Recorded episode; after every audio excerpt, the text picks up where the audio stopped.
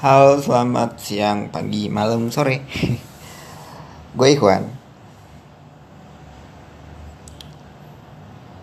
Profesi gue sekarang sebagai seorang tukang cukur ya tepatnya. Cuma akhir-akhir ini gak tahu kenapa. Gue tuh jenuh banget, bosan banget. Pertama dengan hal-hal yang monoton. Terus yang kedua gue ngerasa kayak gimana ya? Apa ini uh, yang harus dialami sebagai seorang tukang cukur rambut di Indonesia. Maksudnya begini, rata-rata gue perhatiin tukang pangkas rambut di Indonesia itu umumnya di Jakarta ya.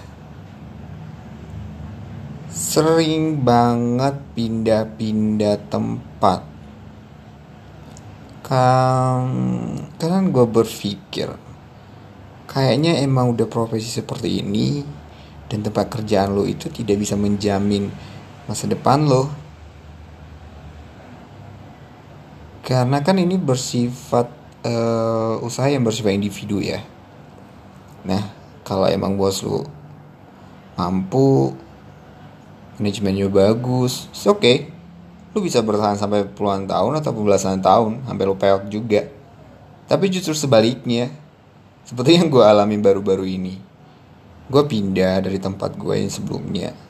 Sebenarnya aman sih nyaman. Cuma balik lagi gue tuh sangat um, tidak menyukai hal-hal yang menonton uh, aku tuh menyukai sesuatu yang baru suasana baru hal baru yang bisa gue kerjain.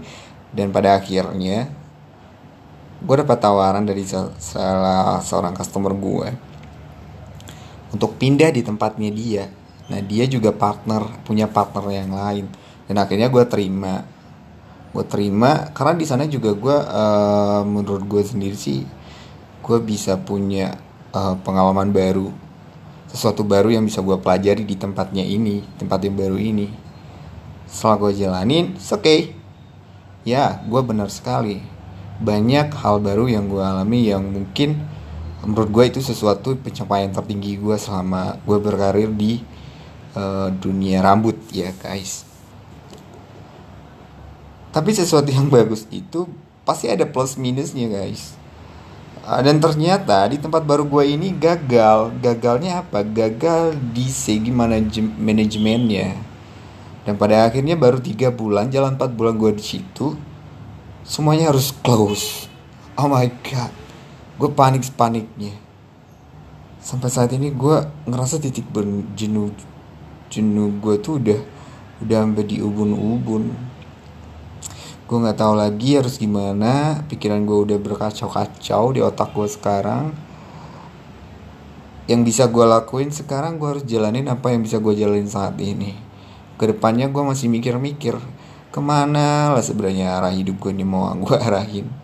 Apakah gue harus begini-begini terus?